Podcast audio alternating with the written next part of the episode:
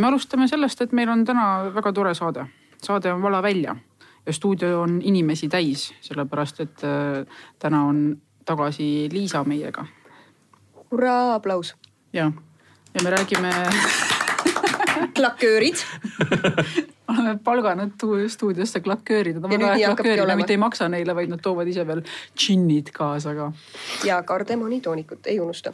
aga täna me räägimegi džinnist et kui me mõned saated tagasi rääkisime, mitu miljonit ämbrit viina toodeti Eestis, siis see on üks jook, mille puhul võib rääkida miljonite, miljonite ämbrite laastavast mõjust kaheksateistkümnenda sajandi Inglismaal, väga toredad lood. Ja e, igasugused surmad, e, hoorad ja kõik muud asjad, muuhulgas on sellega seotud ka suurepärast kunsti, näiteks e, William Hogarth tegi kunagi kas need postrid või plakatid või kuidas neid nimetatakse, olid sellised ilusad asjad nagu Beer Street ja Gin Line. Gin Lane, vabandust, jah, Gin, Gin Lane oli siis see, kus jokkis emadel kukkusid käest lapsed surnuks ja nii edasi, aga Beer Street oli see kaunis tänav, kus kõik olid õnnelikud ja, ja elu oli helge. Ginni kutsuti ema hukatuseks ja põhjus oli see, et äh, siin oli lihtsalt Inglismaal mingil hetkel nii kohutavalt odav, siis kui õllele maks peale tuli ja, ja ta oli nii kange ja nii kohutavalt äh, äh sõltuvust tekitav. ja selles maksti palka. ja selles maksti ka palka, nii et äh, emad viisid oma tütred hooramajadesse, et saada raha, et osta džinni ja siis lihtsalt pummeldada ja läbustada linna peal aga džinn on jah täna meil teemaks, džinn on teemaks hästi lihtsal põhjusel, sellepärast et noh nõme jälle kasutada seda sõna, et käimas on revolutsioon. no revolutsioon tähendab midagi sellist, et kuskil on mingid laskesalgad ja inimesi pannakse seina äärde. paljastatud rinnaga vabadusbarrikaadid seda võiks olla, aga ühesõnaga, et, ähm, et džinn on Eestis võtnud selgelt nii-öelda nagu koha joogina alkohoolse joogina number üks, mida toodetakse ja mida tohutult hinnatakse. Ja ma arvan, et äh, ei, ei ole mõtet rohkem selles saates nagu otsida teemasid, et see džinn tuleb ette võtta ja ära tuleb juua mm. -hmm meil on päris mitu džinni täna ka, aga, aga nende, nende džinnide juurde käivad ka inimesed. kas sa tutvustad neid, Martin? ma tutvustan neid hea meelega. Neil on endal ka muidugi hääl, aga siiski.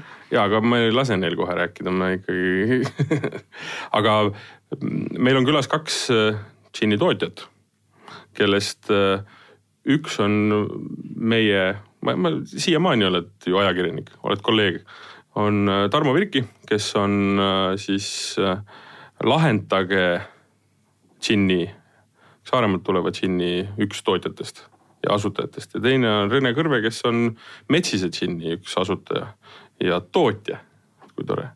ja saates on nad sellepärast, et noh, rohkem ei viitsinud inimesi kutsuda, nad olid kohe nõus tulema oma, oma džinni tutvustama ja üks erinevus muidugi on, et sellel ajal, kui Tarmo on pannud pudelisse ühe džinni ja terve siis ja, ja tooniku. toonikuid on mitu. kaks toonikut. kaks toonikut, vabandust. siis Rene on hulluks läinud ja viis tükki pannud pudelisse. kas need viis, lauale on ta viis pannud meil? ja see ei ole üldse ei positiivne ega negatiivne kummagi suunas. Ja me saame neid kohe maitsta tõenäoliselt. aga laseme neil ka siis rääkida, tervist. tere. tervist kas tervist tuleb siis, kui džinni juuakse? ja tuleb kui võtta arvesse kõik need äh, klassikaliselt head ürdid, mis siin sees on, siis paratamatult nad parandavad iga inimese tervist kohe jupp maad. kas, kas ma võin kohe küsida, enne kui Rene üldse suu lahti saab, et äh, mis teeb džinnist džinni?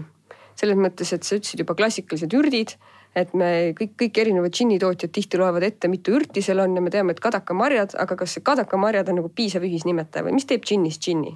no eelkõige kadakamari ikkagi, sest sõna džinn tuleb ju ka prantsuskeelsest sõnast genever, mis tähendabki kadakamarja. ja nagu džinni reglement ütleb, et peab olema äratuntav kadakamarja aroom eelkõige. et vastasel juhul on ta mingi maitseviin või midagi, midagi muud üldse kadakas on ainus põhimõtteliselt nõue, mis peab olema selles destillaadis sees, et džinnina arvesse läheks, jah? kas kanguse, kanguse kriteeriumid on ka paigas? on ikka Euroopas on vist kolmkümmend seitse ja pool või? kolmkümmend seitse pool on vist miinimum ja ma ei teagi, kui kõrg, kõrgele ta üles läheb, ma pakun, et kuskil seitsmekümne juurde vist. ma arvan, et ülemist piiri ei ole vast ette määratud. üldjuhul masinast ta tuleb välja nõksa üle seitsmekümne. Enne teist maailmasõda normaalne džinn oligi seitsekümmend kaks näiteks.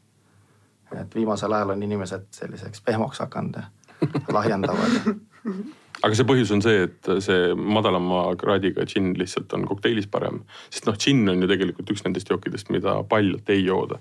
no juuakse, aga noh, põhimõtteliselt ikkagi ju ei jooda.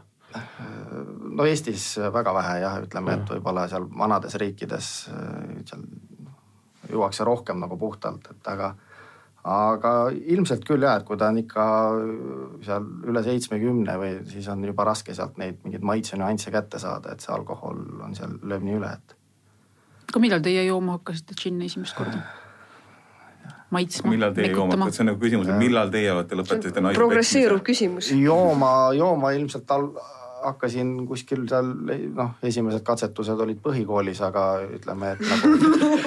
issand, kui romantiliselt öeldud, esimesed katsetused. aga džinni ütleme siis niimoodi, et äh, nagu aru saama sellest, et siis on ikkagi viimased aastad, et, et tundub, et mida vanemaks nagu saad, seda rohkem ja, nagu, nagu mõistad üldse, mis sinna pudelisse pandud on. rääkige korra selgeks see ka, et äh, mismoodi džinni toodetakse üldse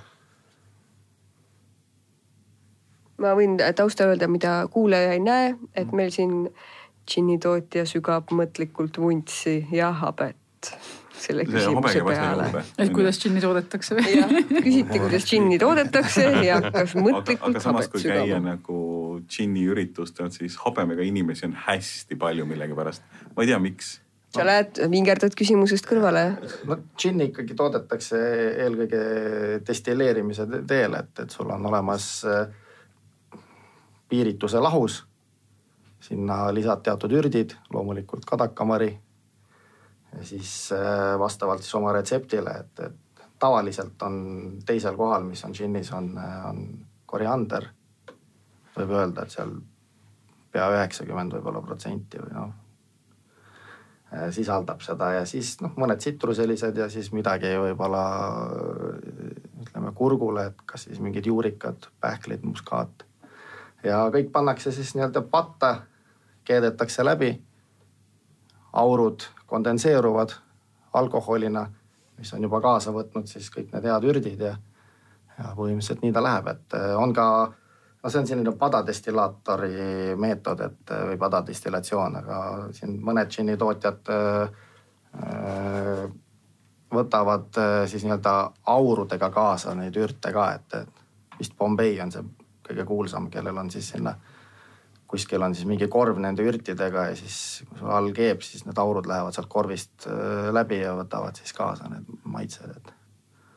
et on nagu erinevaid, erinevaid, ütleme viise, aga kõige põhilisem on ikkagi padadestillatsioon, et klassikaline London Dry Gin on, on tehtud padadestillatsiooni meetodil ja peale destilleerimist ei ole talle midagi lisatud palju põnevam tundub siiski, kus te need ürdid kokku ajate, kas te käite ise kuskil äh, põlluserval neid korjamas või? kuidas, kuidas see välja näeb? ja rõõmsalt käime põlluserval korjamas, tegelikult me käime isegi kadakamarju mööda Saaremaad korjamas ise. Äh, selline ettevõtmine, et oleme üritanud natukene kaasata inimesi üle kogu saare, et saada nad, saada nad kadakamarju korjama. aga kui kilo eest makstakse kuni kümme eurot ja kui sa mõtled, et sa pead nagu neid kadakamarju sealt selle terava okkalise puu küljest korjama, siis ega, ega väga palju vabatahtlikke ei ole välja ilmunud, kes tahaksid rõõmuga neid korjama minna.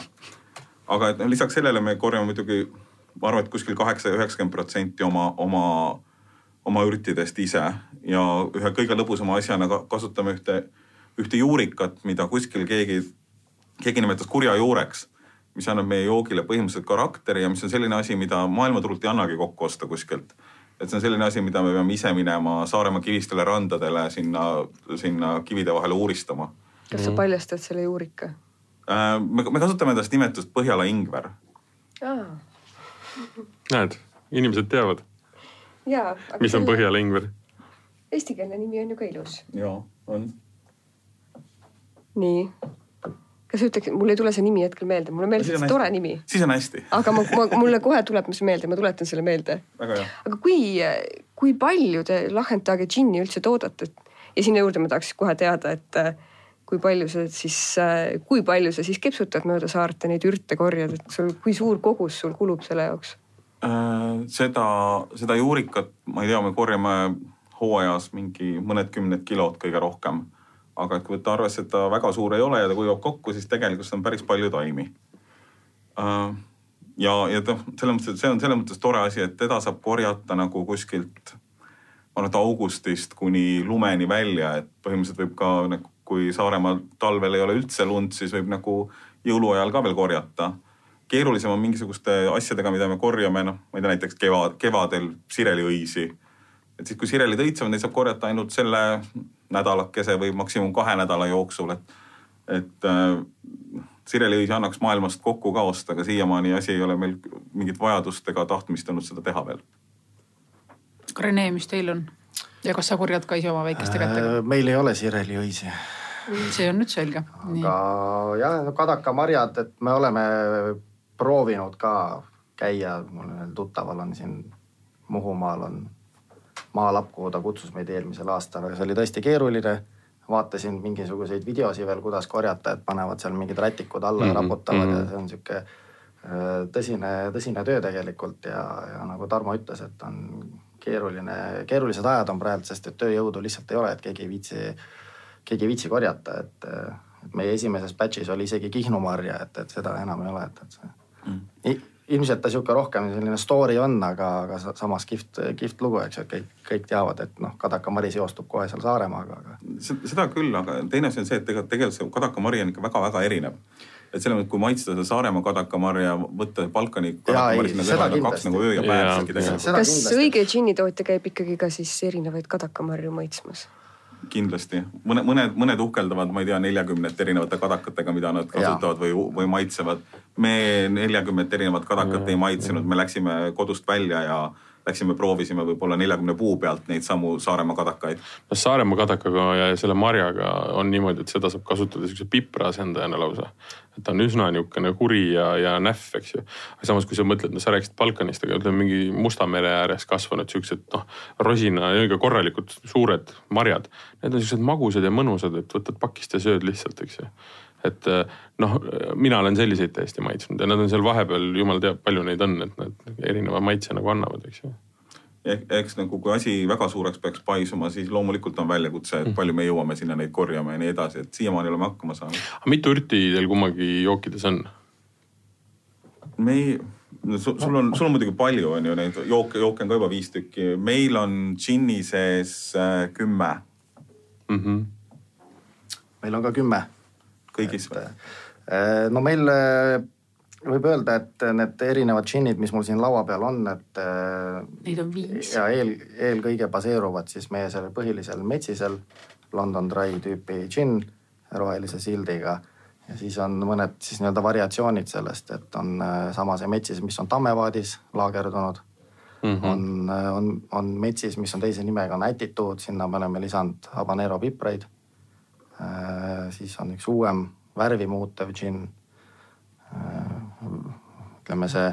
värvi muutev? värvi muutev, see on see sinine jah, see blue edition nii-öelda, et äh, seal on ühed lilleõied, mille me tellisime Aasiast, Taimaalt ja ladinakeelne nimetus nendel õitel on Clitoria ternatea ja eestikeelse vaste ma olen leidnud sellise sõna nagu häbeuba see ladina keele nimi kõlas juba küll sedamoodi, et, et äh, võimalus on jah. Te võite seda pudelit pärast nagu vaadata, seal on see lilleõis peale joonistatud. kuulaja kahjuks ei saa, aga et ta natuke meenutab küll üht-teist, et ja mis on nagu, mis on nagu pulli selle lillega ongi see, et, et äh, seal asiaadid, nad värvivad oma toitu ja teevad teed sellega mm, -hmm. et ta on sihuke sinist värvi tõmmis on ja kui ma lisan sinna siis mingisuguse äh, sidrunhappe, et olgu see siis sidruniviil või kasvõi tavaline läbipaistev toonik, mis ka tavaliselt sisaldab hapet, siis äh, pH taseme muutuse tõttu muutub see jook selliseks roosakas lillaks, et niisugune vau-efekt. ma olen müüdud.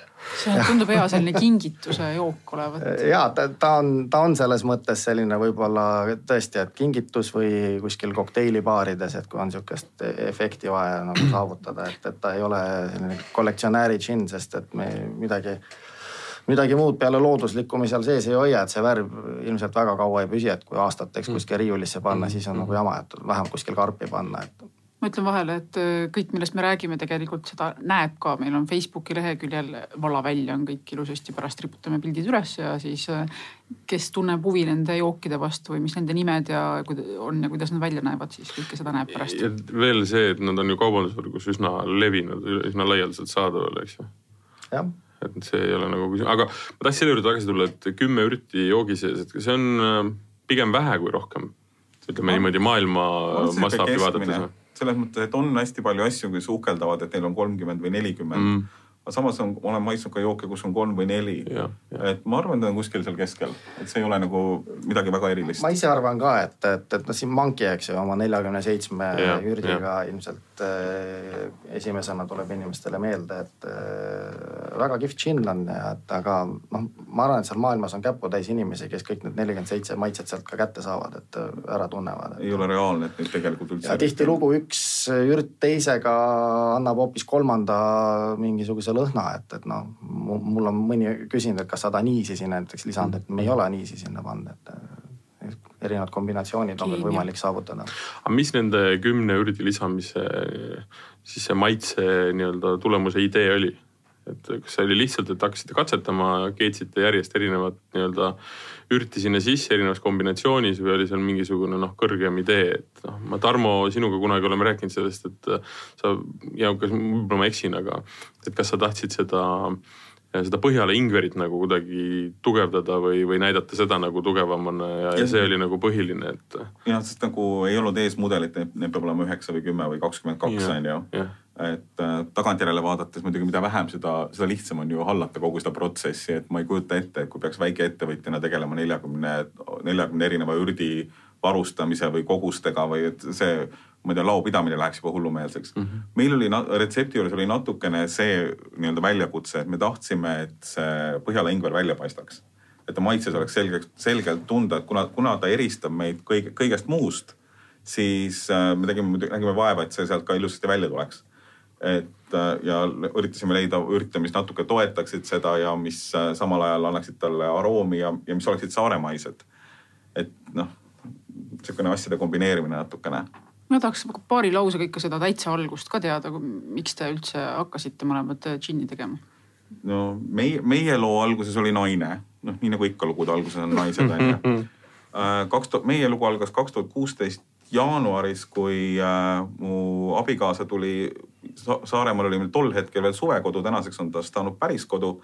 tuli jalutuskäigult külast koju ideega, et, et, et tuleks äh, destilleerimisvabrik püsti panna äh,. Üks külanaine oli talle näidanud krunti mere ääres, kus on natukene kivivaremeid peal ja, ja see krunt oli müüa. siis hakkasin muidugi uurima ka, et mis krunt see on ja ja tuli välja, et see on mõisa, vähemalt ühe legendi järgi, need on mõisa viinaköögi varemed. ja Lahendake enne meid oli maailmakaardil täpselt ühe põhjusega. see Balti-Saksa admiral, kes Antarktika avastas, Fabian Gottlieb von Bellingshausen, sündis äh, Lahendake mõisas. Ja legendi järgi muidugi mõisaproua tol ajal vähemalt sünnitas viinaköögis mis võib tõsi olla, et loogiliselt võttes see ilmselt on kõige puhtam koht majas on ju, et noh, reaalselt võis see juhtuda.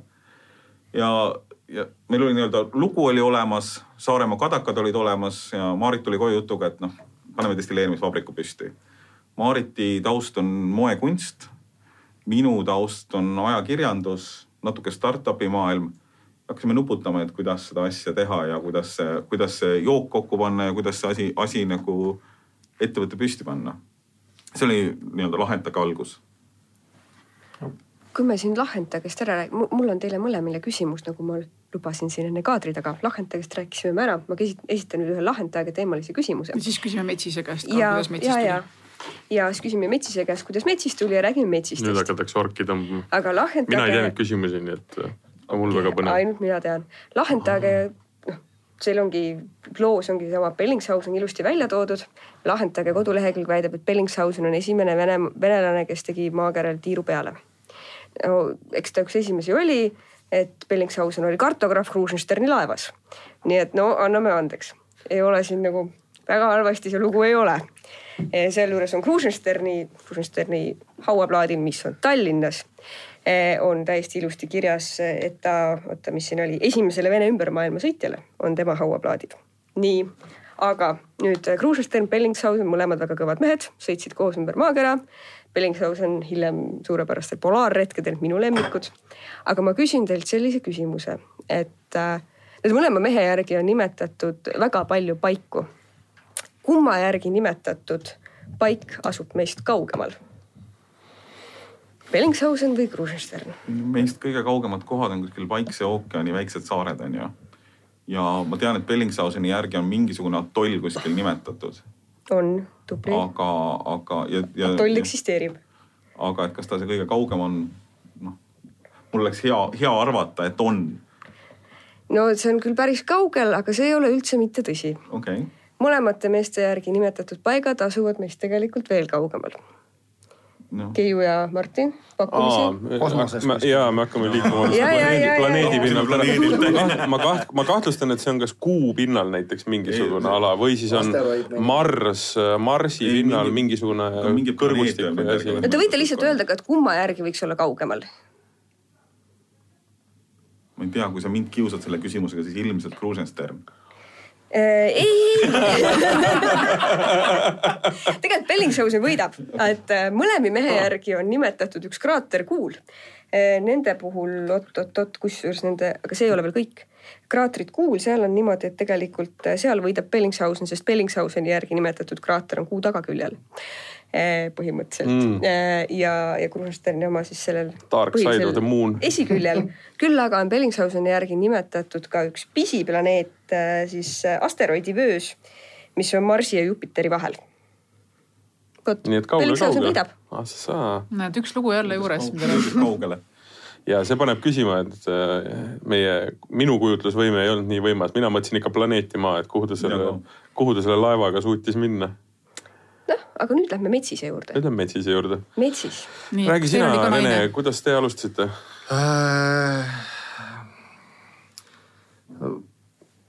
mõte tegelikult noh, mul on alati džinn meeldinud, ütleme, et eh, varem ma lihtsalt ei olnud nii noh, nii kursis selle džinni maailmaga, et mul nagu piirdus seal teada-tuntud selliste odavate kuulsate markidega ja ma arvasin, et noh, ma olen tegija kui ma külla minnes ühe pudeli kaasa võtsin, et äh, aga ükskord äh, olin poes ja valisin endale puuvilju ja täitsa tõsiselt äh, ma nuusutasin pomeloid ja mul kohe äh, tekkis selline äh, noh, võrdlusmoment, et ta on selline tsitruseline, samas selline vaigu või sihukest nagu männi või ma ei tea, lõhna tundub, oli seal koorest tunda ja siis ma nagu leidsin endalt, ennast nagu mõttelt, et huvitav, et kas keegi paneb seda sinna sisse või, või kuidas siis üldse hakkasin mõtlema, et kuidas üldse džinni tehakse ja siis läksin guugeldasin ja istusin Youtube'is ja siis mul see tundus hästi põnev ja ja ma olin pikalt mõelnud, et endale lihtsalt üks väike õlleankur osta ja teha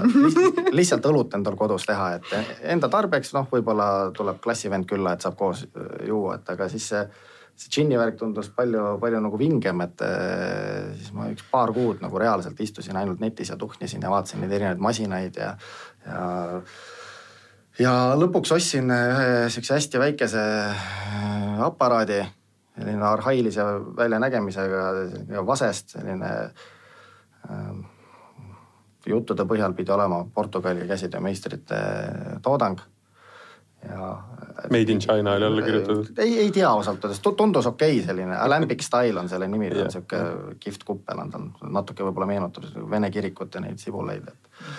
ja panin kõik noh, mis ma selleks hetkeks teadsin džinnist, et võtsin viinapudeli, valasin viina sinna sisse, panin seal kadakamarjad, asjad juurde ja keetsin läbi ja super lõhn ja kõik tuli, aga maitse oli täiesti metsas. täiesti noh, et eh, ei kõlanud kuskile, et, et sihuke hästi kehva siukse samaka maitsega oli, et ja siis hakkasin nagu rohkem uurima, süviti läksin, et ku- kus ma siis nagu valesti eh, midagi tegin, et siis noh, sain aru, et see nagu ütleme, see protsess on ikkagi keerulisem, et sul on vaja sealt see nii-öelda see süd- süda kätte saada ja saba ja äh, saba ja pea tuleb eraldada. sa lasid kõik ühte potti. no ma lasin jah, kõigepealt Ja, ühte ja, potti, et võtsin, võib-olla natuke tilgutasin seda pead sealt ära, et, et aga ma, ma usun, et mingid atsetoonid ja asjad tulid sealt kaasa, et ühesõnaga, ma teen kuulajatele kiire sissejuhatuse, et äh, ütleme käraka destilleerimisel tuleb selleks, et kätte saada see põhi ehk süda, nagu Rene ütles, eks ju, tuleb umbes kümme, viisteist protsenti algusest ja lõpust nii-öelda jooki lihtsalt heas mõttes minema visata, sellega annab põrandaid pesta või mootorit poleerida. aga noh, see on see, kus on hästi palju nagu õlisid ja, ja, ja igast seda sodi, mida sa tegelikult nagu ei taha süüa ega juua, eks ju. mürki. mürki põhimõtteliselt ja see teebki, annabki, ütleme. puhas pohmell. puskariõlid erinevad. just, puskariõlid, kui, kui seda puhastust ei ole tehtud, siis see on hommikul see, mida sa tunned noh ja siis hakkasin otsima nagu seadet, millega nagu seda oleks võimalik kontrollida ja teha ja siis ma üht-teist leidsin, aga need olid nii kallid ja siis tundus nagu liiga luksus endale koju see osta, siis ma mõtlesin, et okei okay,, et hakkaks tootma, et konkreetselt mõtlesingi, läksin äh, hea koolivenna juurde, rääkisin talle oma loo ära.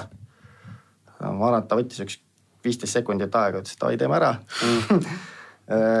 nädal aega hiljem võtsime auto, sõitsime Hollandisse, ostsime kõik masinad ära ja siis hakkasime nagu seda paberimajandust ajama, et, et, et ütleme, et me läksime nagu noh, täiesti valet pidi tegelikult, et tuleks ju leida noh, nagu Tarmo rääkis siin mingid krundid ja värgid, et aga me läksime suure hurraaga peale, ostsime selle masina kõik ära ja siis, siis meil ei olnud nagu enam seda tagasiteed ka, et, et siis nui neljaks me läbisime kõik need erinevad äh, Vetameti noh, nõuetele vastavuse ja siis loomulikult äh, kõik, mis alkoholi tootmiseks vajalik on, seal pädeva mõõtja sertifikaadid ja aktsiisilaod ja nii edasi, et et äh, võib-olla, kui oleks nagu läinud õiget pidi ja oleks teadnud, milline peavalu ja selline ajakulu ja kõik see on, et, et võib-olla ei olekski juhtunud seda, seda tootmist üldse tegelikult, et, et see, see oli üsna selline keeruline, noh ilmselt Tarmo võib ka siin, ma loodan, noogutab vähemalt kaasa, et, et nii on, et äh, ja noh mainiks veel nii palju jah juurde, et, et meil on tootmine Tallinnas, et meil sellist kihvti seksikat viinakööki taastatud kahjuks ei ole. et äh, meil on siuksed tutikad ruumid ja midagi nagu noh, vahel küsitakse, et kas ma saan tulla vaatama teie juurde, aga, aga ma arvan, et, äh, et noh, see ei ole nagu see, mida inimesed nagu vaimusilmas näevad ette, et kus on mingisugused palju vaske ja mingisugused äh, seal telliskivi seinad ja asjad, et, et meil on selline steriilne, steriilsed ruumid ja ja Vetametile jälle meeldis sedapidi rohkem, et aga kust tuleb nimi Metsis sinna juurde äh,? ma saan aru, et esimene oli Metsas, sa ütlesid, aga aga teine oli siis Metsis? ei, Metsis, Metsis ikka. ei no jaa, aga ütlesid, esimene laar oli metsas. esimene laar oli metsas jah, et sellest tuligi või? Äh, ei tulnud, et äh, oli, oli soov tegelikult sellist äh, ka võib-olla noh, kujunduses kasutada sihukest Eesti loodust ja võib-olla see, see, see, see teema nagu sisse tuua, et aga need, need soovid, mida me tahtsime tegelikult sinna pudelile nii-öelda jäädvustada või, või ütleme jätta, et, et me et me, kuna me trükime pudelite peale, siis äh, Eestis nagu fototrükki nagu suurtes tiraažides keegi ei tee ja siis meie need mõtted jäid nagu sinnapaika, et meil olid nagu lahedad seal rabapildid ja asjad mm -hmm. olid olemas, et aga kuidagi ajuragina käigus siis metsis jäi nagu noh, see mets metsis ja, ja mm. jube kihvt lind on ju metsis, et mm, -hmm. et mhm. siin kevadeti kui ta siin testosterooni täis on, siis läheb sealt traktoritele kallale ja et. kas sa oled näinud metsist ise? ma olen näinud emast metsist jah. see ei olnud see, kes selle traktorile kallale ei olnud jah, et, et ma, ma käin palju kalal, et siis ma olen näinud küll metsas jah. aga ma küsin vahele sellise asja, et ähm, firma või noh, nii-öelda ametlik nimi ettevõttel, mis toodab, on Distilleerium ja, ja Mark on metsis, kas ma loen sealt välja, et tegelikult plaan on džinnist ka kaugemale minna äh,? Noh, ütleme mõtteid on jah palju, et, et aparatuur võimaldab ju teha mm -hmm. kõike, et viina, rummi, viskit, et, et džinn, üks, üks asi on see, et džinn nagu maitseb mulle nagu kõige rohkem, et aga teistpidi džinni on suhteliselt suhteliselt lihtne toota selles mõttes, et ta ei ole nii ajamahukas Mm -hmm. et mhm. kui ma hakkan viskit tegema, siis ma pean selle õllenapsu panema kuskile vaadi sisse minimaalselt kolm aastat hoidma ja siis saan alles viski nime all teda müüa, et. et ja no teadmisi ka nii palju ei ole, et, et, et džinni poole pealt noh, ma tunnen, et mingil määral on üht-teist juba nagu, nagu selge, et, et siis, aga ja mõtteid on jah, seal erinevaid, et eks, eks kaagutame siis, kui muna on olemas. nüüd metsise küsimuse juurde, ma arvan. kas metsised ka kaagutavad? No metsised on kanalised. nad on jah kanalised või ma ei, jah, on küll suured kanad, et äh, nad teevad mingisugust teistsugust häält, tuvi teistsugust sarnast vist või internetis võib kuulata. jah, ja siis nad nagu teevad mingisugust plõk-, plõksivat häält ka, et nagu aga minu metsise küsimus on selline, et see oli juba selle, me saime juba selgeks, et isane metsis on ilus suur testosteroonikana. aga, ja, ja metsise pulmamängudele mõeldes tuleb silme ette selline ilus mustikamets, kus metsised äh, siis tegutsevad.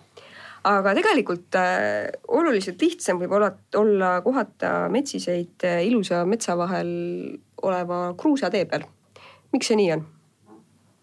et miks metsised on kruusatee peal? jah, miks metsised võiks, veedavad aega mõnikord kruusatee peal?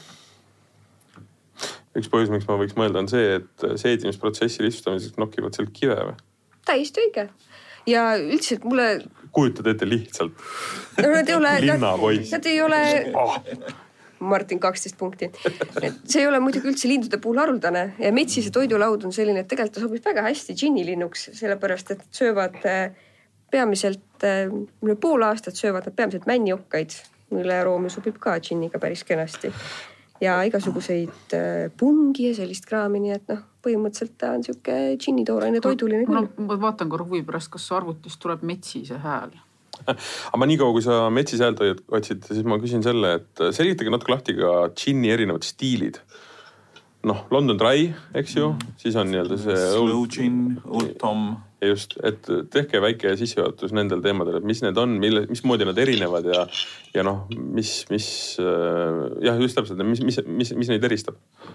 siis äh, Old Tom on pärast äh, magustatud. Tüüpiliselt nagu Old Tomid on magusamad kui London Dry'd mm. -hmm. et kui London Dry puhul sa ei tohi põhimõtteliselt sellesse jooki, mis masinast läbi tuleb, enam midagi juurde panna, siis Old Tomi puhul sinna tihtilugu on lisatud midagi magusat Mm -hmm.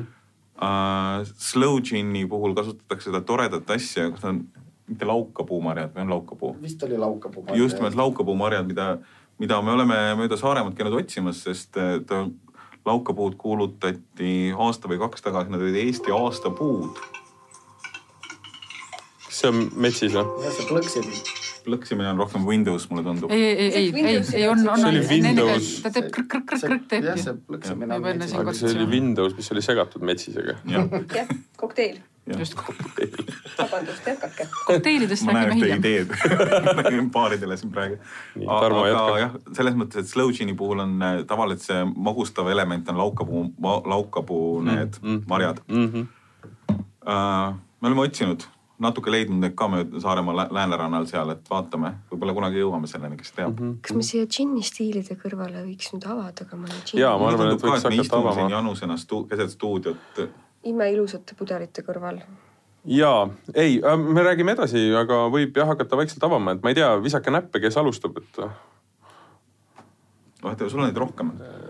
kui, kui te ei suuda veel ära otsustada, avage mingid pudelid, tegutsege. ma teen vaikselt mõned pudelid lahti, lihtsalt lasen sortsu Jaa. klaasi välja, et saate nuusutada ja just, mõelda aga Eestis, Eestis põhimõtteliselt ikkagi enamus toodavad ikka seda nii-öelda London Dry'd, eks ju.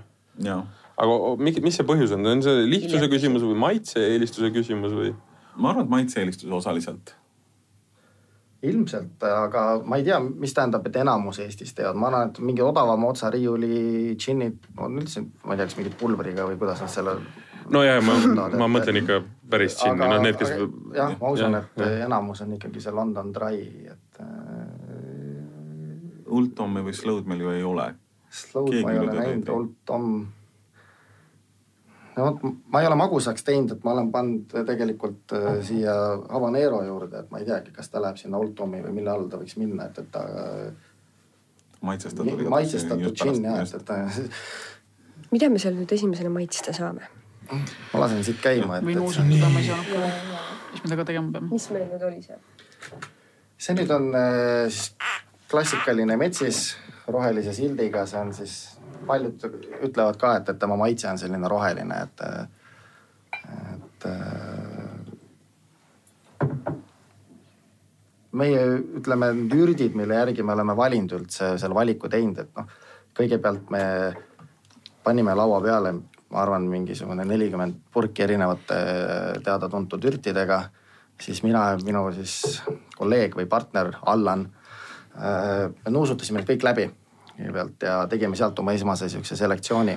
üks paarkümmend purki jäi laua peale, siis me tegime sellise tõsise teistkordse nuusutamise, et ja jäigi lauale siis kümmekond, kümmekond vürti. keetsime läbi et me keetsime paar-kolm korda läbi ja me tegelikult saime endale nagu sellise no, sobiva maitse ja, ja aroomi kätte üsna, üsna nagu kiiresti, et võib öelda, et oli nagu õnnefaktor oli ka juures, et ma arvan, et mõni võib-olla aastaid, eks ole, seal täiustab ja teeb ja sätib ja ei, ei ole ikka rahul, et et meil nagu vedas, et, et ma noh, ma olen kuulnud, et kuskilt Euroopast saab seal nelja tuhande euro eest osta ka seda teenust ja tulevad sul mingid ninad kohale, teevad ka sul valmis, et aga meile meeldis nagu selle protsessi juures ikkagi ise olla juures, et. no see ei ole ju asja mõte noh sa ikka tahad ise katsetada ja, ja proovida ja timmida ja. eriti kui su mõte sai alguse sellest, et ostan endale õlleankru ja hakkan õlut tegema. Aga, aga kas mõni ürt oli ka käitus selliselt, see on küsimus mõlemale, et kas mõni ürt käitus ka selliselt, et äh, ütleme ar aroomi mõttes, kui sa nuusutasid teda paljalt, tundus nagu võimas, et see võiks midagi täitsa harukordselt käituda, aga tegelikult kui ta läbi destilleerida või panna nii-öelda selle käraka sisse, siis tegelikult kadus, et oli niisugune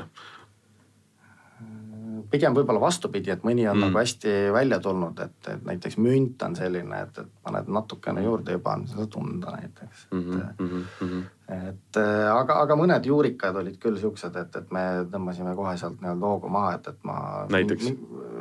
kasvõi seesama see Angeelika juur, et ma mm. algul mul on, ma arvan, et me panime seda sinna ikka kaks korda rohkem, kui nüüd on sees.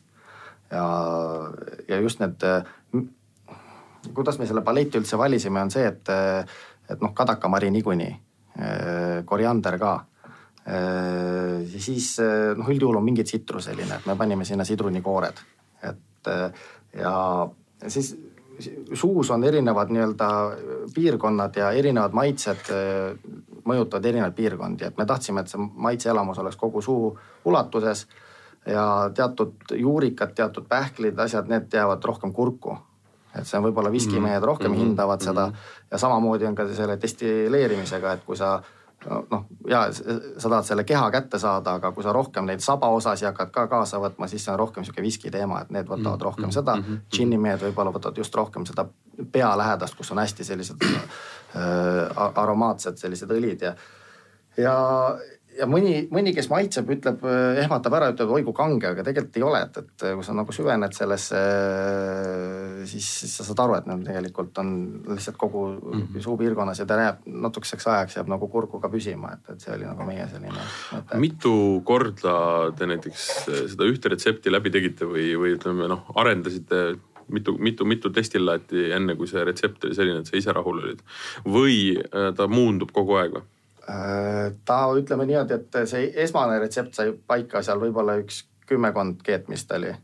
aga lihtsalt aja jooksul on natukene muutunud nii palju, et me oleme erinevate, noh, vahepeal me oleme tarnijat äh, muutnud mõne noh, kus me ei saanud ja, näiteks ja, ja. oma seda Angeelika juurt kätte, et siis me leidsime sellise tarnija, kelle käest me saime, natuke oli teise kvaliteediga lihtsalt, et võib-olla äh, noh, sellised kosmeetilised muutused on toimunud, et aga midagi väga suurt ei, ei ole teinud. me maitsesime seda metsist, seda põhi nii-öelda jooki, eks ju, seda rohelise sildiga, et äh, jumalast õige, see maitse ja aroom on täiesti selline sügav mets oma niisuguses lopsakuses. meil oli teinegi, äh, käis ringil, mis, mis see teine oli? teine oli seesama metsis, mille me olime pannud äh, tammevaati ma just tahtsin öelda, et see oli mets, kus oli natuke rohkem puid, kui selles yeah. esimeses lehtpuumets on ju. lehtpuumets, aga vot see on nüüd üks jook, mis äh, ma hindan selle nagu kvaliteeti ja maitset. aga see on üks jook, mis minu, ma ei tea, ma olen tavaliselt äärmiselt nagu vabameelne kõikides asjades, aga mingi džinnipurist on minust tõusnud ja see, ütleme sihuke see maitse, mis laveerib seal viski ja siis džinni nagu vahepeal on mulle veel natukene võõras ja see on mingi üllatus, mis ma mingil hetkel avastasin, et aga, aga noh, selles mõttes noh. Martin avastab oma piire. ma täitsa hullumeelne, ma räägin, et, et tuletades meelde eelmist saadet, kui me alkoholivabu jooke jõime, siis ikka äh, Andrei Kasakov käis, tegi meile siidlipiga nii-öelda siis nii-öelda alkoholivaba džinntoonikut. see väänas mul ikka pildi täiesti ära, noh. ma ikka läksin ja istusin kaks tundi ja mõtlesin oma elule järgi, kui valesti ma kõike elanud olen nii, meil on kolmas. kolmas metsis. kolmas, punane. see on siis äh, habanero pipardega, Attitude on nimi äh,. L kadus ära. Attitude kadus ära, tähendab L kadus ära jah, et, et meil on üks latitude ka on olemas, latitude viiskümmend üheksa, et me jõuame veel sinna, et see äh, esimesed batch'id, kui me seda tegime, siis partner Allan siis äh,, tal keegi sõber oli kuskil Pärnus otsustanud habanero pipraid kasvatama hakata ja siis me panime need sinna sisse lihtsalt pulli pärast ja kodumaist. äh, ja et äh, väike story ka, eks ju juures, et äh, ja täitsa hästi nagu toimis, et äh, tal on oma kindel seltskond, kes seda joob ja ma varem nagu üldse selliseid vürtsikaid asju ei söönud, ei joonud äh, tomatimahla näiteks ma ei joo üldse, aga Vladimiri stiilis kokteil äh, selle džinniga on nagu super mm. -hmm. just mõtlesin, et, ähm, et me- kas oleks nagu väga-väga selline mm, matslik must öelda, et see sobiks tomatimahlaga. see sobib väga hästi ja mul on täna kaasas ka, nii et me teeme varsti valmis. ma just tahtsin öelda, et siis ma mäletan, et äh, ühel joogifestivalil sa pakkusid mulle ka seda ja seal oli mingi väga konkreetne mahl, tomatimahl, mida sa soovitasid ja see tõesti maitses väga hästi. aga ma tahtsin küsida selle peale, esimene pudel, mis sa mulle kunagi pihku panid seda, seda oli tšilli sees. siin pudelis ma näen, et ei ole. Äh, sellega on nii, et kui me läksime seda Veteametisse registreerima, siis sealsed äh, tädid ja onud teevad väga tõsiselt oma tööd ja nad tõid kohe mulle selle seaduse sealt välja ja, ja kus oligi kirjas, kuidas see džinn on reglementeeritud ja seal oli selgelt öeldud, et äh, esiteks noh, seal peab olema kadaka mari dominantne ja mingisuguseid asju sinna nii-öelda ujuma panna no, ei saa. džinni sees ei tohi midagi ujuda. no ta ütles kohe, et, et siis see on maitse viin, et la- lase käia, et teed mis tahad, kui sa tahad džinni nime all müüa, siis ei saa. miks ma seda küsin, on see, et pull oli see, et see pudel ju noh, džinni ei jooda niimoodi, et sa võtad ja jood pudeli ära, et ma arvan, ta seisis mul ikka mingisugune pool aastat. ja see noh, lõpuks see habanero pipar oli läbipaistev seal sees. et Veteametil oli õigus aga lõpuks. absoluutselt, aga ei olnud ka sellepärast, et iga kord, kui ma tegin kokteili, oli see uus kokteil.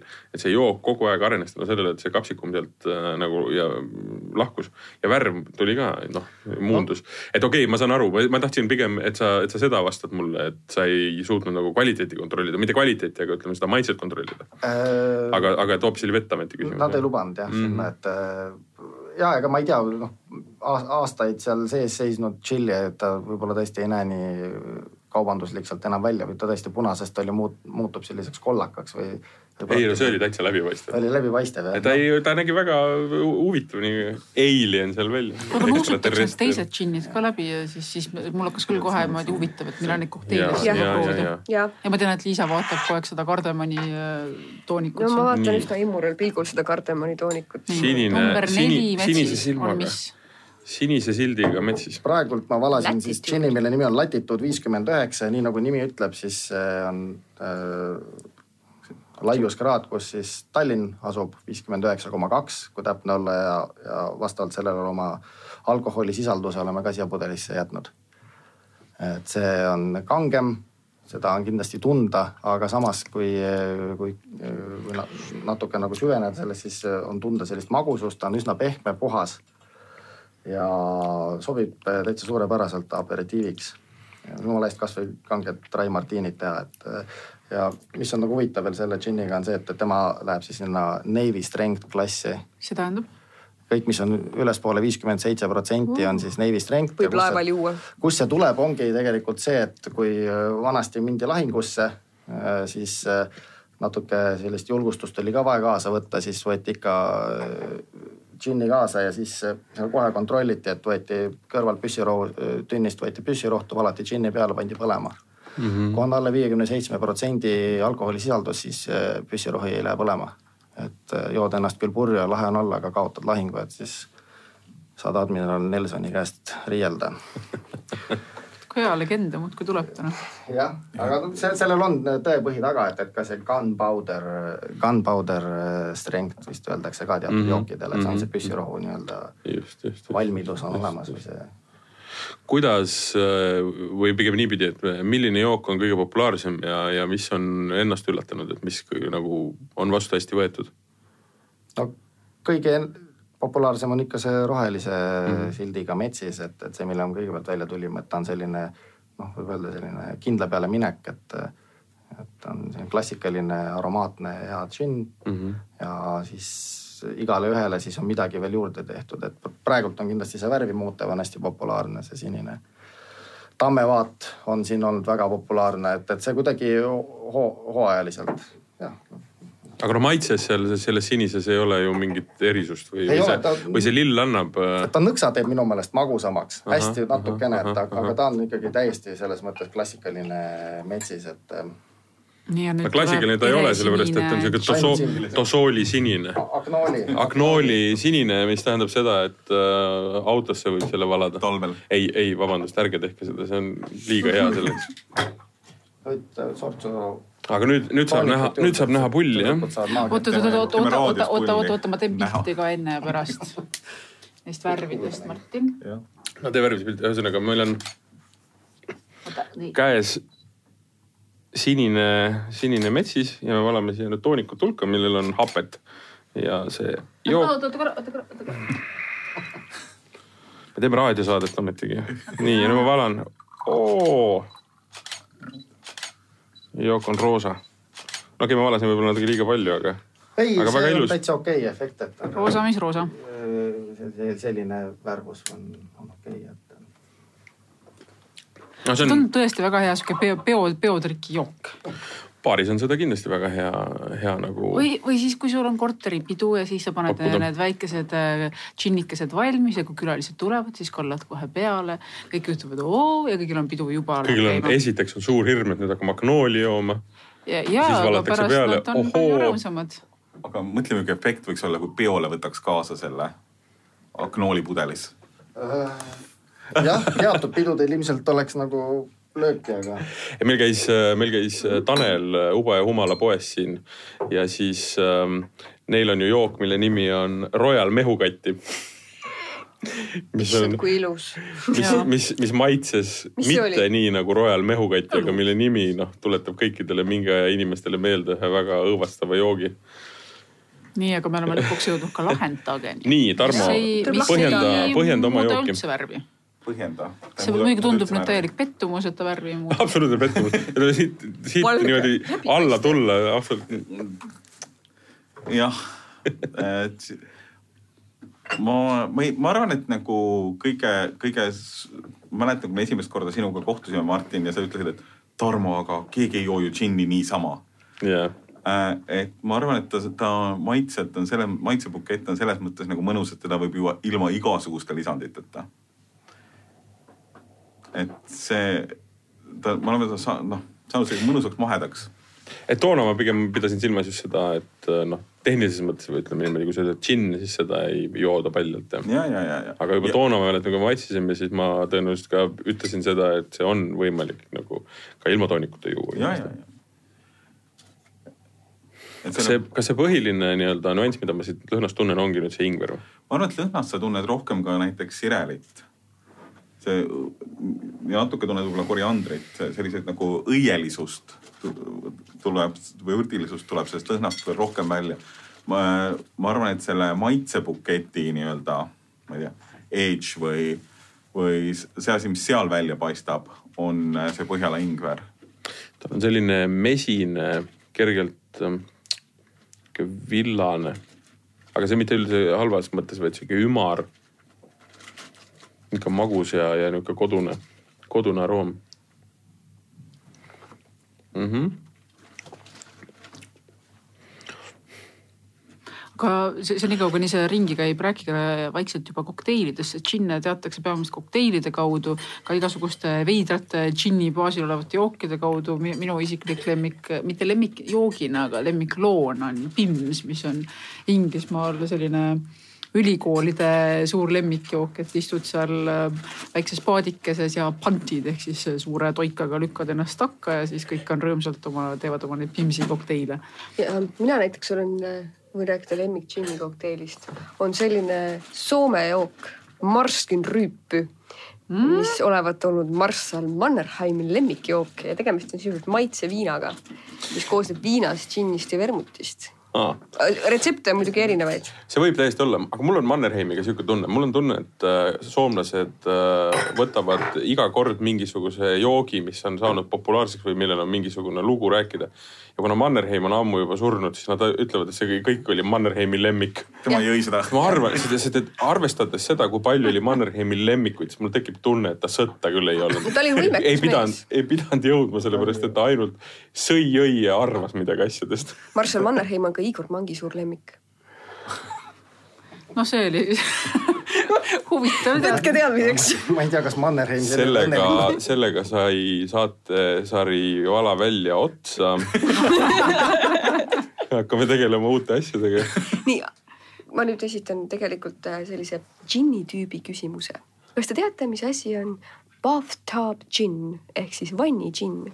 tänapäeval on küll ka sellenimeline peenmark, Ben Ginni mark olemas ja New Yorgis on olemas üks baar, mille nimi on Bathtub Gin, mille keskel on kaunis vann, kus toimuvad burleski etendused.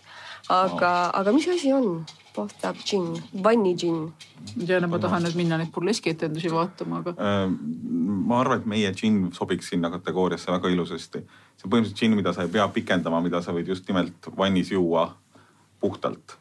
see on väga ilus pakkumine vannis juua puhtalt džinni. ma tahaks vannis ka kokteili. paljast džinni paljalt vannis.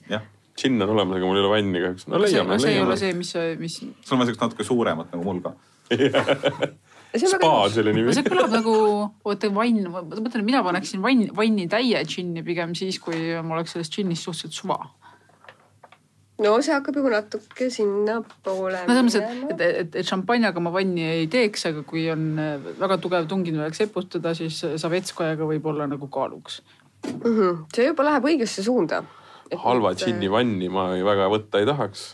see on ikka sihuke see on siuke halva joogi teema küll. õudselt, aga ma, kas see on mingi pooli teema siis või, või mingisuguse suure segujoogi teema? suure segujoogi teema on see küll nagu mingit pidi, pooli teema, no mitte päris. ma millegipärast arvan, et see on selline džinn, kus võib paljalt juua on veel pakkumisi? selle vanni džinniga on nii, et see väljend pärineb tegelikult keeluseadusaegsest Ameerikast mm..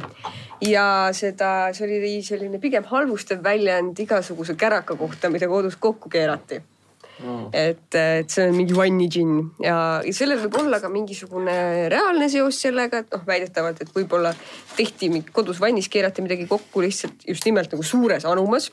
siis on veel selline teooria, et nimi tuleb sellest, et kuna segati ise igasuguseid asju kokku ja, ja noh, ühesõnaga mingit mingisugust piiritust, mida iganes sai, mingisuguseid maitsestajaid ja siis vett peale. et siis kuna asja olevat pandud suurtesse pudelitesse, siis äh, ei saanud vett lasta köögikraanist tavalisest, et äh, vaid lasid vannis vett juurde.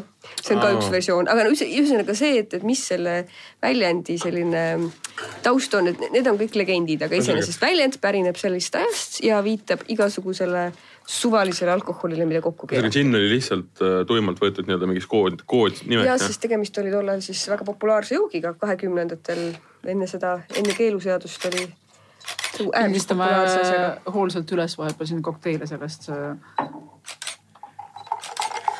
aga mis te vahepeal kuulsite? Äh, taustal pandi klaasi jääd ja segati kokku hääd jooki, siis Rene tegi meile vahepeal ühe napsu ja see ongi nüüd siis see, ma saan aru, selle habanero tšilliga äh, maitsestatud džinniga tehtud äh, Vladimiri.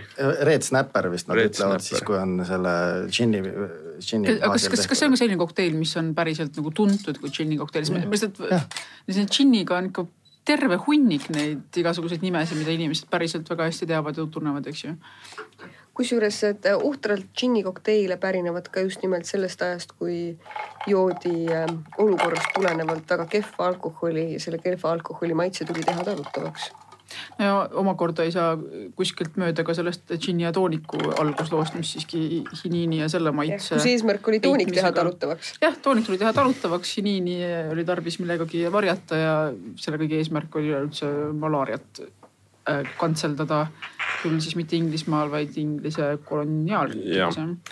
nüüd äh, teine pokaalitäis hääd jooki, mis meil siin ees on, on siis äh, lahendage džinn, lahendage toonikuga, eks ju ja, ja räägi seda tooniku lugu ka natukene, sellepärast et üks asi, mis minu, mis mulle väga meeldib selle juures on see, et, et noh, ja ta täpselt niimoodi peakski olema, eks ju. et kui need kaks jooki kokku segada, siis see nii-öelda kompliment üksteisele on, on väga-väga võimas, et, et sa saad ikkagi juba täiesti valmis joogi räägi see tooniku nagu. põhimõtteliselt meie, meie toonikud said alguse tegelikult sellest, natukene sellest, kui me sinuga esimest korda kohtusime, kui sa hakkasid rääkima sellest, et tegelikult see džinniturg on ju Tarmo hoopis nagu džinni ja tooniku maailmas, mitte, mitte nagu ainult džinni maailmas mm. -hmm ja, ja tegelikult sealt natukene edasi, et kuna meie džinn on selline mõnusalt mahe ja ümmargune oma maitselt, siis väga paljude tänapäeva toonikutega ta lihtsalt ei sobi kokku. et. Äh, hullemaid kogemusi ma mäletan, inimesed on kirunud, kui kuskil baaris on valatud teda kokku näiteks nudisti toonikutega mitte midagi halba nagu nudisti tooniku suhtes, aga nad lihtsalt ei sobi kokku. sa mõtled liiga suur magusus tekib sinna? see tekib magusus ja teine asi on see, et nagu need maitsed ei lähe kokku. selles mm -hmm, mõttes, et noh mm -hmm., tunne, tunned, kuidas su suust käib sõda, et noh see ei ole see, mida sa tegelikult tahad kliendile ju pakkuda. aga praegu me joome siis äh, lahendage džinni, lahendage mandariini ja, ja kadaka toonikuga. meie uue, meie uue kadaka ja mandariini toonikuga. mille eest on... mina tänan, kardemoni vihkajana mina tänan. aga see on huvitav sellepärast, et äh, noh, tavaliselt džinni kokteili tehes lisatakse selle happe tõstmiseks veel nii-öelda kas laimi või sidrunit, eeldatavasti lai, sidrunit. või noh, nüüd täna tehakse kreibiga asjadega või lisatakse mm -hmm. mingeid nüansse. et, et siia lihtsalt puhtalt sellepärast, et see elamus visuaalses mõttes oleks täielik, oleks siia vaja mingisugune sidruniputafooria sisse panna. sest et ta tundub paljas, aga maitsed on, maitsed on paigas, et see on väga-väga nagu šef, et. aga ütleme niimoodi, et džinni tootmine on üks asi, tooniku tootmine on täiesti teine asi. Need on nagu kaks. siga ja kägu, tahad sa öelda? Need on natuke nagu siga ja kägu, aga samas jälle noh, meie olukorras, kus sa rääkisid küll ilusat lugu sellest, kuidas meil on seal mere, mere ääres see viinaköök, aga noh, tegelikult ju meil seda veel ei ole et mõte sai sellest alguses, et me peaksime midagi, midagi valmistama ja tegema. aga, aga tegelikult meil on, asjad on natukene aega võtnud. et alguses, kui me tulime oma või täna ka veel, kui me oma džinni müüme, siis tegelikult selle džinni me oleme valmistanud veel Belgias. et kuna meil Saaremaal oma tehast ei ole, siis me leidsime selle koha, kus teda teha Belgiast mm. -hmm, mm -hmm. aga toonik? Äh, toonik on tehtud Saaremaal ise kasutame Öundrinksi äh, nii-öelda pudeldamisliine mm. -hmm. et paneme need pudelisse Öundrinksi juures, aga, aga ise, ise, ise teeme peamiselt kõik need asjad seal. et äh, ja esimesena tulime just kuuse ja, kuuse ja kardemoniga tulime välja eelmine suvi kuskil mm. juunikuus leidsin, noh vastukaja oli väga positiivne, nägime, et Eesti turul tegelikult ju väga palju kohalikke toonikuid kui selliseid ei ole et äh, ja see andis julgust nagu tulla ka, tulla ka teisega ja ilmselt mingil hetkel kindlasti ka kolmandaga välja. kusjuures ma kiidan neid toonikuid ka selle eest, et neil ei ole hirmus suurt suhkrusisaldust. jah, ja uuel toonikul ei ole ka hirmus suurt äh, lisandainete sisaldust et selles mõttes, et äh, säili, säilitusained on uuest ära jäänud, et pastöriseerisime neid, et, et see aitas natukene vähendada keemia hulka joogis. miks neid on kolm? miks on toonikuid kolm? Praegu või no praegu kaks, aga sa plaanid kolmandat? kolmas tuleb kindlasti ka, aga sellepärast, et kui esimene oli kuusk ja teine oli kadakas, siis äh, noh, loogiliselt võttes, kui mõelda nagu, mis, äh, milliseid okaspuid meil veel on, siis nagu noh, mänd peab ju ka olema, onju. loogiline et äh, Eesti oludes ma, ma nagu võib-olla, võib-olla mõtleme veel midagi välja, aga aga ma arvan, et nagu kolmas toonik tuleb kindlasti millalgi koos männiga. et ühesõnaga, mis ma, mis ma siit loen välja, on see, et kui et see loogika on natukene sedapidi, et kui teised ütleme, võtavad noh, võtame konkreetselt Rene ja Metsise, eks ju, et loovad erineva maitsega džinni, et kasutada sama toonikut või noh, teist toonikut ja luua uus jook. siis te võtate oma džinni, džinnile jääte kindlaks ja tegelikult selle to toonikuga loote siis kolm, neli, seitse, üheksa, mis iganes erinevat kokteili või? no osaliselt ka, aga teine asi, et eks, eks kui me saame lõpuks selle, selle suvel millalgi oma tootmise Saaremaal, siis küllap neid tooteid tuleb ka juurde. okei okay.. et selles mõttes nagu et see on praegu lihtsalt jäänud tänu sellele, et. ta on osaliselt sellepärast. olete veel nii-öelda mustlased. just, et me oleme veel al al alguses ja mustlased, see on nagu osaliselt ka sellest tingitud. teine asi on see, et noh, et tegelikult me oleme leidnud nagu toonikutega selle huvitava niši, et nagu maailmas ei ole puudest tehtavaid jooke. et on küll, kasutatakse nagu ma ei tea, männiokkaid kasutatakse kuskil mõnes džinnis näiteks või midagi muud sellist, aga me võtame oksad. et nagu ja, ja noh, kõige lõbusama väljakutsena muidugi kõige lõbusam väljakutsena muidugi sellel talvel Kuressaare linnaga leppisime kokku, et Kuressaare linna jõulukuuse oleme nüüd enam, oleme nüüd enam-vähem ära töödelnud. okay. et oli mingi kaks-kolm kuud oli Kuressaare keskväljakul onju mm. -hmm. ja siis, kui see sealt maha võeti, siis lõigati kõik ok oksad lõigati sealt küljest ära, tüvi läks linnale jaanitule südameks mm Mm -hmm. ja oksa, oksad tulid meile toor, tooraineks äh, tooniku valmistamiseks. Väga lahe mõte, väga-väga lahe mõte. eile, eile saatsin trükki uued sildid toonikule, et kuusk ja kardemon seal nimes vahetub Kuressaare kuusega, et aga tood, toode jääb samaks ja nii edasi, aga et toome sellega ilusti. rääkige vahepeal oma lemmik džinni kokteilidest, mis on kõige paremad asjad, mida džinniga kokku panna, kui me ei räägi nüüd mitte ütleme teie konkreetselt, et väga hästi sobivatest toonikust džinnist, aga lihtsalt üleüldiselt neist paljudest miljonist variandist, sest meil on siin praegu. mis meil on? ma paari sõnaga võib-olla ütlen, mis ma tegin, et äh, kõigepealt äh, tegin siis selle Attitude'i selle nii-öelda vürtsi see džinni äh, tomatimahlaga ja ma kasutasin pikenduseks siis sellist mahla sellist mahla, mille nimi on Big Tom.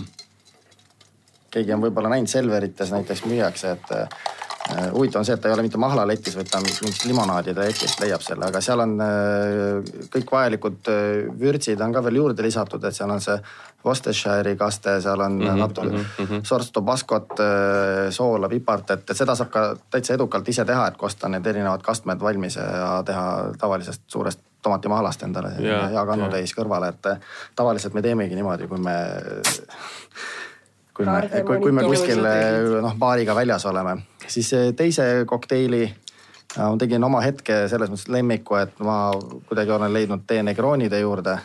et ilmselt ma ei tea, ma, ei leia, et ma vana olen, et aga kuidagi vanusega äh, hakkab rohkem nagu selline mõrk ja selline mm. jook nagu meeldima et.... ära muretse, vana sa ei ole, vanast ajast läheb magusaks see asi no, siis hakkad äh, armastama magusat. mulle hirmsasti praegult meeldivad need joogid, et ja, ja siis äh, viimasena ma kasutasin siis meie seda uut värvi muutvat džinni, et tegin lihtsalt sellise džinn tooniku kokteili, panin münti juurde et just mõtlesin, et see nina seal mündi sees on väga mõnus istuda, see on kohe, see on lihtsalt mõnus, ma arvan, ma pean selle üle võtma siit saatest.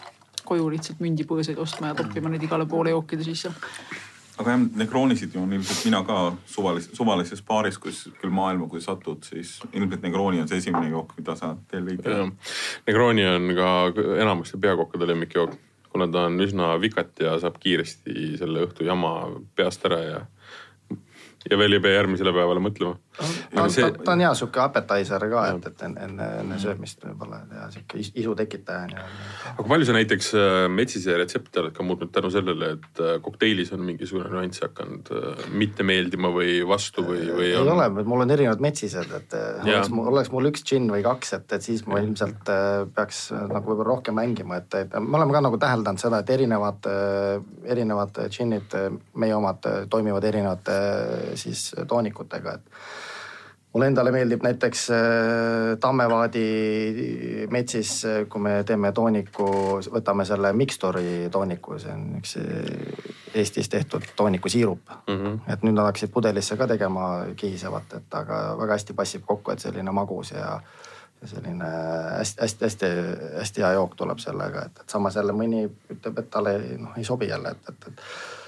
et äh, parktooniku kohta ma ma ei tea, ei oska midagi öelda, et meie oleme oma, oma džinni oleme nagu serveerinud parktoonikuga, et mm, -hmm. et, et sobib, et üld, üldjuhul on see, et äh, täiesti klassikaline toonik, et mul on siin laua peal praegu siis Fever Tree Indian, et see noh mm -hmm. mida, mida vähem eri, erinevaid neid igasuguseid krutskeid, et seda kindla peale minek ühe asja, mis ma tahan enne, kui Keiu saab sõna öelda, on see, et ja see on kuulajatele ja viie hüüumärgiga väga rämedalt panen seda südamele, on see, et, et kui te ostate kalli džinni, hea džinni, ei pea olema kallis, aga hea džinn, siis arvestage sellega, et džinntoonikust suurem osa on toonik ja ostke hea toonik, ostke toonik, mis on seda väärt, katsetage erinevaid. sest et noh, kõige õõvastavam on see, et kui sa vaatad kuskil ka baaris, kus võetakse noh ütleme tänkeri kümme ja valatakse siis seda, seda magusat Schweppesi pläusti täis, eks ju. see. Noh, Russian no,, Schweppes Russian. oh, ära sinna mine, ma hakkan märatsema. aga, aga noh, et, veidi vihast. et see, see on lihtsalt äh, noh kasutage seda Schweppesi, aga, aga selleks ei ole vaja osta head džinni. see on lihtsalt üks magus pikendus, millele iganes, sellega on võimalik juua põhimõtteliselt aluspükstest ja vanadest moosidest kokku väänatud ja, ja destilleeritud nii-öelda jooke, et. et ostke hea, hea toonik, toonik on kõik see, mis tegelikult selle joogi teeb ja džinn on see, mis teeb purju, aga annab nüansid, eks ju aga mina tahtsin nüüd väljapressimisega tegeleda. mõtlesin, et kui meil juba siin sellised džinni ja peaaegu toonikumehed on kas te sellist asja võiksite lubada, et te pärast saadate meile pärast saadet kahe oma lemmikkokteili retsepti, mille me saaksime ka oma Facebooki leheküljel üles panna ja siis inimesed saavad kodus katsetada, kas päriselt maitseb hästi. vabalt, et meil on kodulehel ka distilleerium.com on seal erinevate džinnidega sellised signatuurkokteilid on olemas, et sealt saab ideid juurde. ma küsiks veel ühe asja sellest valgusest, et milline Eesti teine džinn teile meeldib? ütleme, kui me arveta, arve, arvestame täna kokku, ma arvan, me võiksime saada ma eksin tõenäoliselt, aga ütleme üksteist, võib-olla kaksteist džinni. Äh, mis on seda nii-öelda kõrgema kategooria nii-öelda hinnangut väärt. et milline neist teile endale nii-öelda oma konkurentide nii-öelda toode võiks meeldida? no mul on siin Tarmo on kõrval, et ma räägin Ta kohe ära, et oma, oma Lahendagi siis eelistuse ka ära, et mulle meeldib Lahendage koos teie enda toonikuga väga hästi passib kokku, et seda Mhm. et, et si- siin võib kindlalt nagu öelda seda, et kui on erinevad toonikud, erinevad džinnid, et see võib väga, hästi minna või võib täitsa mööda panna ja siis kirutakse kas ühte või teist, et tegelikult on võib-olla mõlemad head Just. oma, omas nii-öelda siis klassis, et aga Eesti omadest äh, on, on, on, on üks džinn, mida veel ei- ametlikult ei müüda, et ma olen seda joonud, et, et siin on teatud. see ei ole teie oma. Et tervitused ole- äh, Priit Palgile Tartusse. see on, ütleme niimoodi, et, et kõik, kes natuke Eesti džinnist teavad, said väga konkreetselt aru. et äh, ja ei, ei ausalt öeldes, kui Priit kuulab, siis äh, tule siva nüüd meie juurde. ja ülejäänutele tuleb siis öelda, et kõrva taha panna, mis? bränd on Tohi. Tohi jah? ma ei tea, kas tohib seda rääkida. ei tohi, ei tohi, ei tohi, ei tohi, ei tohi. aga aga sulle, Tarmo? ma arvan, et äh, sinu, sinu, Rene, sinu jookidest ma arvan, et Tammevaadi jook on, on see, mille, mille üle ma vast kõige rõõmsam olen äh,. teistest Eesti tootjatest võib-olla järsku Beninuki. mm. -hmm. õuna, õunapuskari. õunapuskari põhjal, et natukene erilisem Mm -hmm. Ma ei ole nende uut nagu proovinud, et kaks aastat tagasi või poolteist aastat tagasi, kui nad tulid, siis, siis ma ei tea, kas neil oli seal. ühesõnaga vist oli pudeliga väikene probleem neil seal, et, et, et väga huvitav selles mõttes idee oli neil see unapiirituse baasil teha, et aga Neil jah, vorm oli natukene eksinud, nad olid ostnud lihtsalt kuskilt poest mingid pudelid, mis ei absoluutselt kork ei püsinud jah. ütleme nii, et minuni, minunigi ta see on jõudis eufemism selle kohta, et sel ajal oli teil kõigil joomisega probleeme. ja ei, minunigi jõudis. Kuller, kuller tõi pudeli ja see oli pooleks valgunud, sellepärast et pool, poole peal oli vist läinud ümber, aga Mm. Okei okay,, ei nende, nende jook on kindlasti äh, väärtuslik tõesti. Nad on, nad on teinud äh, natukene jah teisest toorainest ja see annab seal kindlasti selle tunde, et mm. veel üks äh, jook, mida nagu lihtsalt mainin ära, mis on noh, ikka hoopis nagu teisest ooperist, eks ju, on, on Põhjaka mm. mõisa džinn mis on noh, ütleme esimese meku peale ei ütleks isegi, et ta džinn on ja ei tahaks teda sinna kategooriasse panna. Aga kui teda jälle segada ja leida talle õige nagu toonik, on ta täiesti, täiesti mõnus. mm. sobib kindlasti nii-öelda sellesse paletti. kuulge poisid, aga selleks, et sellisel eriti positiivsel noodil lõpetada, magusast pläustist me juba rääkisime. kas te teate, kust Longero tuleb? Soomest Soomest. millal loodi miks, miks, Longero? miks ta tuleb, on küsimus või?